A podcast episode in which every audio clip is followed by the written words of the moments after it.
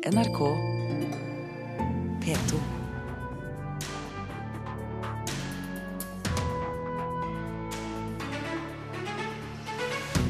Fire av fem foreldre sier det er vanskelig å henge med unge på sosiale medier. FN lager liste over sanger som bringer lykke. De får hjelp av verdensstjerner og vanlige folk. Because I'm happy, clap along if you feel like that's what you wanna do. Den, den blir man glad av. Og fjorårets Booker-prisvinner i Storbritannia er en historie om krig og kjærlighet fra den andre siden av kloden. Nå er den her på norsk. Vår anmelder forstår at den fikk en stor pris. Og dette er bare noen av sakene i intervjuene du hører her i Nyhetsmorgen i Kulturnytt den neste halvtimen med Ugo Fermariello i studio.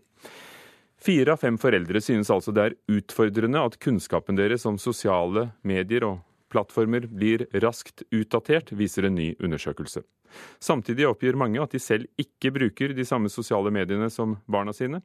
Foreldre vi har snakket med, bekrefter at det er vanskelig å henge med. Plutselig så var han jo på Instagram uten at jeg hadde helt fått det med meg. Så ja, det er ikke bare bare å følge med. Det er lettere for de å oppdage nye ting, og da får de bare holde meg oppdatert. Det sier Laila, som tar ei handlerunde på Storosenteret i Oslo sammen med sønnen Tinius. Han er sjøl aktiv på Instagram, men mora bruker det mindre. Mamma er ikke særlig mye på det, fordi hun må passe litt mer på jobben og sånn.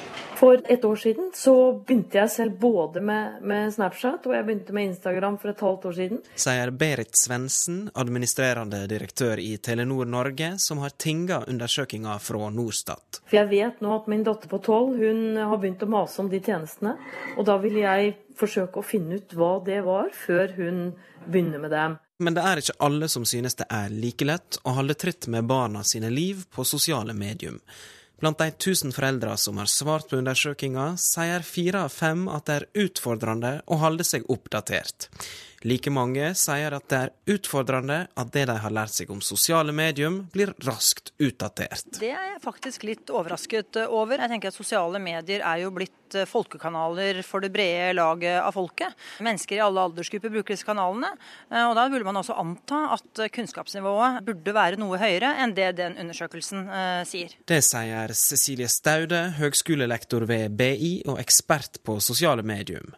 Hun mener det er mulig for foreldre å holde seg oppdaterte, trass i raske endringer. Det kommer stadig nye, nye tjenester, nye um, kanaler som blir, blir, populære. Og det er klart at jeg kan forstå at mange syns det er utfordrende å henge med på den utviklingen, men det går ikke fortere enn at det er mulig.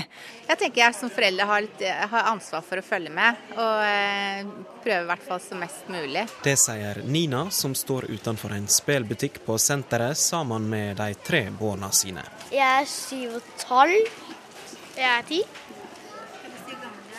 Fire. Hun mener foreldre må samarbeide om å holde seg oppdaterte. Internasjonalt så kommer det Jeg hørte var det en som sa 18 000 nye apper eller noe sånt daglig. Er det det det utvikles? Ja. Så jeg tenker det er, du skal følge godt med for å få med deg hva som skjer. Det, det tenker jeg det, det er ikke lett hvis man heller ikke liksom bruker det så mye selv. Så um, man må også, tror jeg, tenker jeg, samarbeide mye som foreldregruppe også. Hva er det som skjer, og følge med. Og det var reporter eh, Lars Ivar eh, Nordahl som hadde vært ute og snakket om sosiale medier og foreldre og barn. Heidi Austli, nestleder i IT-bransjens interesseorganisasjon IKT Norge. Hva syns du om at så mange voksne sier de ikke har god nok digital kunnskap? Jeg syns dette setter fokus på at vi som foreldre i dag er nødt til å være eh, også et digitalt foreldreskap. Altså Vi er nødt til å bry oss om det ungene våre driver med. Samtidig så er det viktig å ikke bli helt hysteriske. Eh, det er ikke viktig at vi er eksperter på sosiale medier som eh, voksne rundt unger, men vi har en forpliktelse i forhold til å ikke la ungene få lov til å holde på helt alene hele tida. Men det må da være et mareritt for barn at foreldrene er overalt hvor de er? Finnes det ingen digital digital variant av skogen hvor du kunne gjemme ting og tang? Eh, så absolutt, og det skal det også få lov til å være.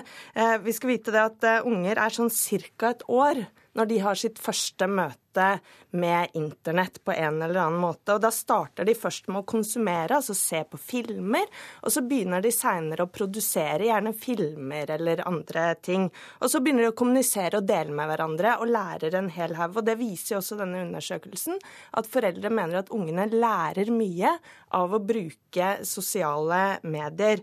Sånn at barndommen i dag, den er digital, og det er vi som voksne rundt unger nødt til å eh, følge de på den veien til vi tror de er trygge, og at de føler seg trygge selv. Så vi kan ikke gjøre iPaden til barnevakten for unger, som vi i altfor stor grad veldig ofte gjør. Men vi er nødt til å snakke med dem hver eneste dag om deres digitale hverdag. Enten det er med egne unger, naboungene, og i hvert fall med andre foreldre også. Er det utenkelig noen ganger å dra dem ut av den digitale hverdagen? Den er der jo uansett. og, og si, at nok er nok? Eh, ja, det er helt fair å ha noen regler for det, men det kan man jo i hvert fall lage sammen med eh, ungene sine. Det er ikke sånn at alt som skjer på nettet er farlig, heldigvis. Men unger lærer seg ikke å klatre i trær eh, av å være på iPaden. Må, da må de ut i trærne og gjøre det. men det er, dette er ungenes hverdag i dag. Den er digital, og den er analog.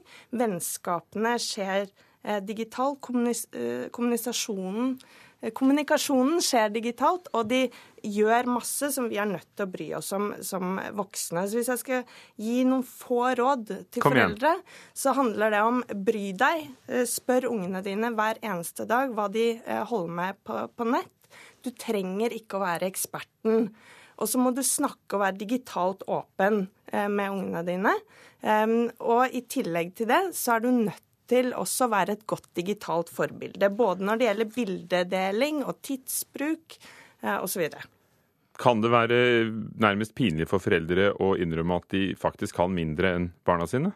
Men det har foreldre alltid kunnet. Altså, Unger finner seg alltid utveier. Og hvis du tror du er venn med ungen din på Facebook, så kan jeg love deg at ungen din har en ekstra konto. Takk skal du ha, Heidi Austli, nestleder i IKT Norge.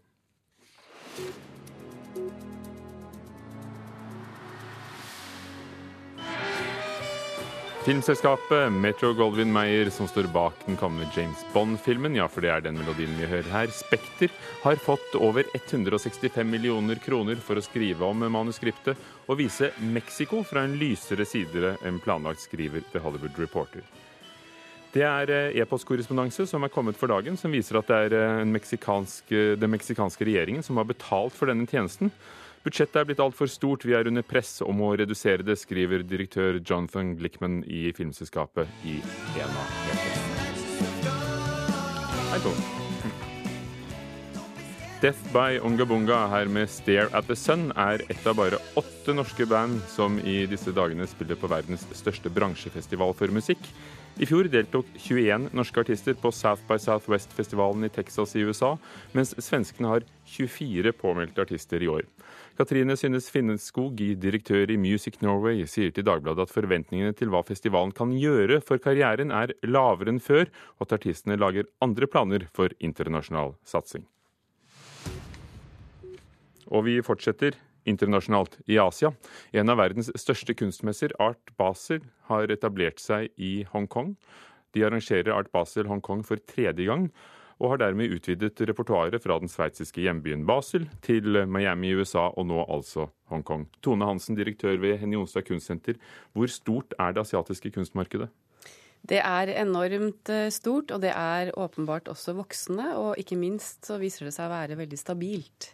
Det er jo en grunn til at eh, den store merkevaren eh, Basel Art Fair nå etablerer seg også der, og har faktisk blitt der i tre år.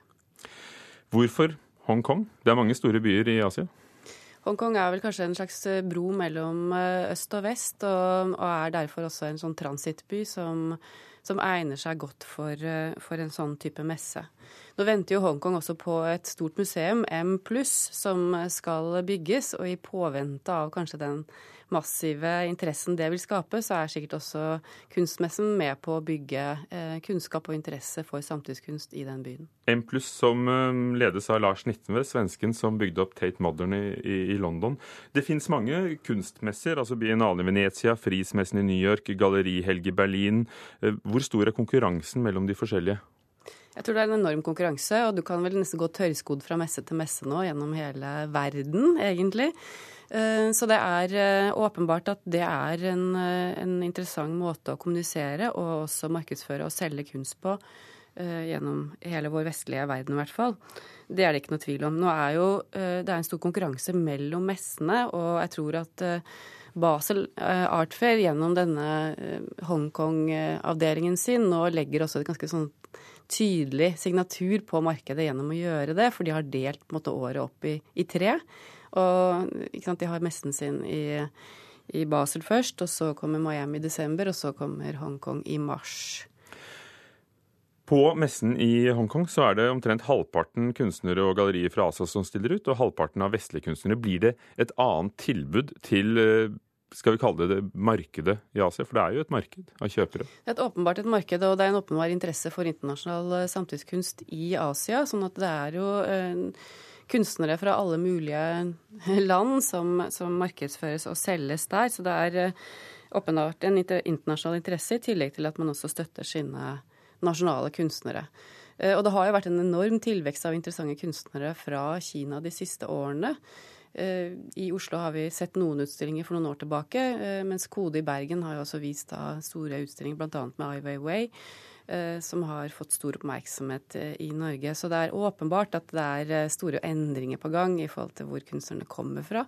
Og også da får et behov for både markedet i Norge og institusjonene å forholde seg til den asiatiske bølgen. Og når det finnes et så sterk samlerinteresse også i i Kina og andre asiatiske land. Blir det vanskelig for sånn som deg, som leder tradisjonelle kunstinstitusjoner, museer, kunstsentre, å, å henge med og kjøpe inn den kunsten dere har lyst til? Den tradisjonelle kunstinstitusjonen har tapt for lenge siden når det gjelder dette markedet her, for det er så kjøpesterkt. Så et offentlig museum i dag, enten det er eh, basert her eller eh, andre steder i Europa, vil ha problemer med å, å henge med på dette markedet uten at man har med seg en god venn som, eh, som, støtter eh, innkjøp direkte inn til museene. Så det er en stadig kamp mellom de offentlige museene og deres mandat om å kunne representere vår tid for fremtiden eh, mot markedet, som har andre interesser. Takk. Tone Hansen, som er eh, direktør ved Henny Jonstad kunstsenter i Bærum. Klokken er passert kvart over åtte. Du hører på Nyhetsmorgen i NRK. Overskriften i dag statsminister Benjamin Netanyahu er klar valgvinner i Israel. Når nesten alle stemmer er eh, talt opp, får Likud 30 plasser i nasjonalforsamlingen Knesset, mens hovedutfordreren Sionistunionen får 24.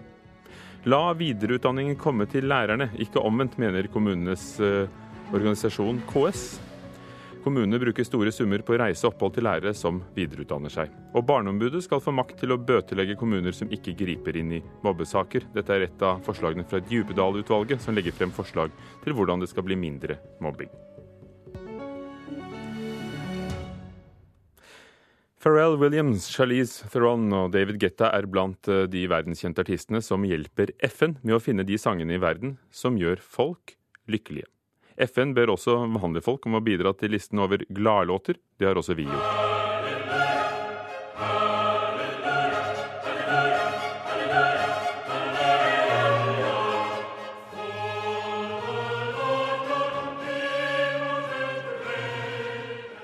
Vanskelig å rive oss løs fra Hendel. Reporter var Karoline Elgesem. Eh, Audun Mysja, lege, forfatter og faglederveileder for Nasjonalt kompetansesenter for kultur og helse. Kan musikk gjøre oss lykkelige? Musikk kan bidra.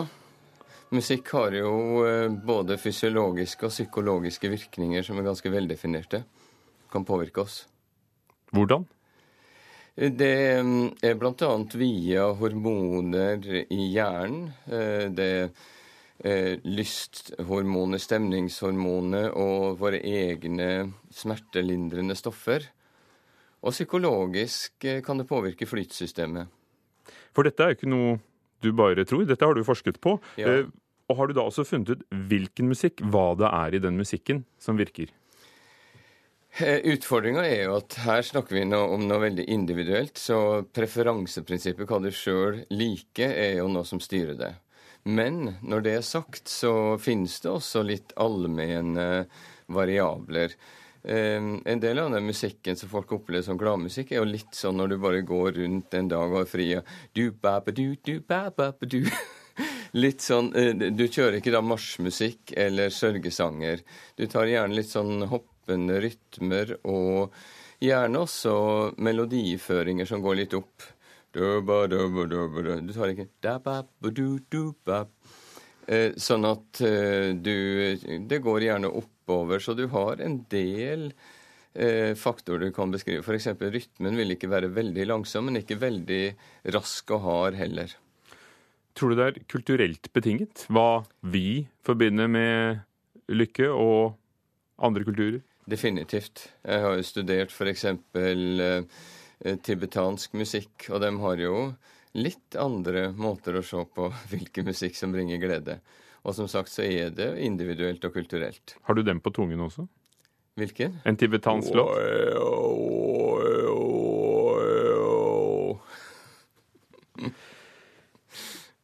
Teksten, betyr den noe? Betyr budskapet, hvis vi forstår teksten? Særlig hvis eh, tekst og melodi eh, er kobla sammen og gir et samsvar. En, en, sang som har et glad budskap, eh, og som også, hvor melodien svarer til det samme. Mm. Walking on sunshine, feeling groovy, dap-a-doop-doop. Så da, eh, når det svarer eh, til hverandre, da vil folk gjerne oppleve det. Hva vil du bidra med til Ban Ki-moons og FNs lykkeliste? Det er jo vanskelig å løsrive seg fra hallelujakoret til Hendel, men jeg må nok holde en knapp på Tordelen og flua av Prøysen. Jeg, jeg, jeg, tenker at hvis du er nedfor, så er det få ting som kan få meg så i gladlune som det geniale ordet pirium, piri mitt mitt marium, dandiri ditt ditt darium, danfirium. Det er jo ganske fantastisk ord, syns jeg. Tusen takk, Audun Mysja. Lege og forfatter, og, og, jeg nevnte ikke i sted, men du har også fått nettopp Legeforeningens pris for arbeid med musikk i medisin, og ja. det hørte vi nå. Hjertelig.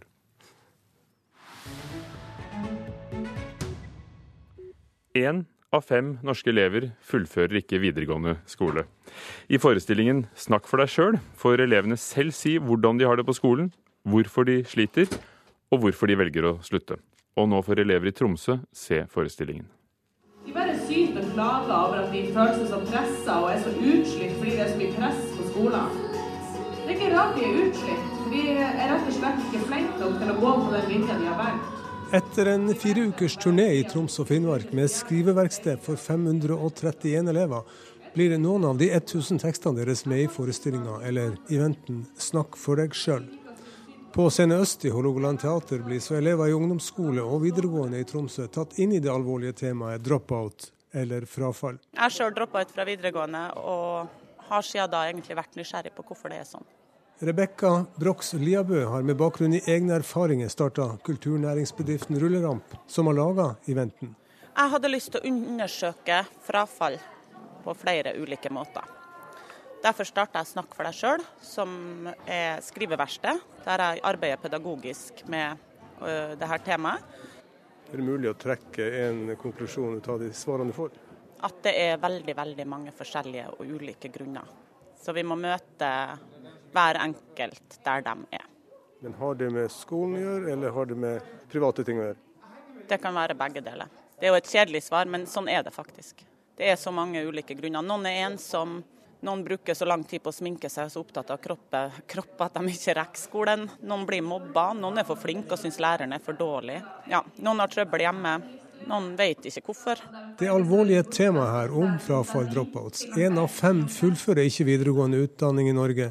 Ferske tall viser at 40 000 unge under 30 år står helt på utsida av samfunnet. Finnmark ligger i landstoppen, men her som i andre fylker er det satt inn tiltak for å få flere til å fullføre skolen. Pass på deg sjøl bidrar med elevenes egne svar. Mange av de her tekstene er litt negative, men det er også noen positive da. Johannes Edvardsen, niendeklassing, en av de som er opplesere i forestillinga. Det kan vel vekke oppsikt, vil jeg nå si. At uh, kanskje det får folk til å tenke at jeg har ikke lyst til å bli med i en statistikk, og jeg har ikke lyst til at dette problemet skal fortsette å vokse. Så kanskje de har lyst til å jobbe hardere på videregående. Det er mye press og sånn som man kan kjenne seg igjen i. Også Fanny Bjørn i første videregående deltar som oppleser. Hun tror forestillinga kan hjelpe. Det blir oppmerksomhet at kanskje man burde ha flere forskjellige læremåter. Og da hvis det blir forandra, så blir jo flere folk å ikke droppe ut. Og reporter i Tromsø, Arild Moe. Nordmenn brukte 1,93 milliarder kroner på dataspill i fjor, og det er mobilspillene som øker mest. Norsk spill- og multimedialeverandørforening, NSM, har fulgt utviklingen de siste ti årene, og tallene forteller om en femdobling av spillsalget.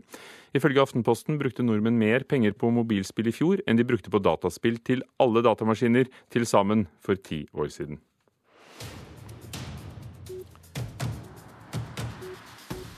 Den store litteraturprisen i den engelskspråklige verden, Booker-prisen, gikk i fjor til australske Richard Flanagan for romanen 'Den smale veien til det dype nord'. Dette er Flanagans sjette roman, nå er den kommet på norsk, og vår kritiker Marta Norheim er enig i prisjuryen om at dette er en roman som fortjener en stor pris. Denne romanen er historia om et liv med mange og til dels brutale vendinger. Det er også ei kjærleikshistorie som er dømt til å gå i knas. Og så er det historia om krigsfangene som bygde Thailand-Burma-jernbanen, den såkalla Dødens jernbane, fra 1942. Ikke minst er det historia om de som overlevde dette fangearbeidet, og som sleit skikkelig med å få fasong på livet i fredstid. Og så må en for all del ikke overse at det mellom blødmer og banning og piskeslag og stinkende død og livredding pågår det en refleksjon over hva folk er i stand til å gjøre med hverandre i ekstreme situasjoner, på godt og vondt, over hva de greier å hukse, og over hva de greier å gløyme. Og om kjærleiken som viser seg i mange varianter, av og til forkledd som likesele, forakt, og glede ved å såre den andre. Kort sagt, dette er ei helt uvanlig rik bok, men eh, trass i alle vendinger, alle personer og alle hopp i tid, kjennes det hele som ei eining, det er som om alt har mogna seg sammen, dette er ei bok forfatteren må ha skrevet på i mange år. Det er ei brutal, gripende og usentimental skildring, men i tide detaljer fra steder det ellers ville vært vanskelig å se for seg. Hovedpersonen, som vi følger fra vogge til grav, er Dorigo Evans, som ble født i fattige kår på den australske øya Tasmania for 100 år siden. Et godt hode og stipendordninger hjelper han til å bli lege, og han havner som kirurg ved den før nevnte jernbanen. Her finnes de mest fantastiske typer, og her bukker de under. En som ikke bukker under, er den metamfetaminavhengige japanske offiseren Nakamura, som får det store kicket hver gang han ser en blotta nakke fordi han har lært å kappe slike av med sverd. Etter krigen glemmer han sin egen brutalitet, og som olding står eh, bygginga av jernbanen for han som en eneste lang fredsmarsj. Andre sliter altså mer etterpå. Ingen historiske epoker har inspirert forfattere og filmkunstnere mer enn andre verdenskrigen. Denne jernbanen finner en flere plasser, til dømes i filmklassikeren Broen over Kvai. Det går an å ironisere over den veldige krigsfascinasjonen, men ikke når det dukker opp bøker som dette. Sa Marta Norheim om Den smale vei til det dype nord av Richard Flanagan, og romanen er oversatt til norsk av Monica Carlsen. Foreldre reagerer på sosiale medier etter at Legoklubb gir skjønnhetstips i marsutgaven av medlemsbladet. Legoklubb er en gratis klubb for barn mellom fire og tolv år. og Hvis eh, du vil forbedre utseendet ditt, så får du altså tips om hvordan du kan tilpasse frisyren til ansiktsformen, sier en legodukke i denne reportasjen. Leketøysgiganten har eh, tatt selvkritikk, delvis i hvert fall, og skriver i medlemsbladet at de beklager dersom noen av leserne er blitt skuffet. Og det er mer om denne saken på nettsidene våre på nrk.no. Kulturnytt eh, var ved Hanne Lunås teknisk ansvarlig, Gjermund Jappé produsent, Ugo Fermariello programleder. Dette er Nyhetsmorgen, klokken er straks halv ni. Men først noen ord om hva som skjer senere i P2. Hør flere podkaster på nrk.no podkast.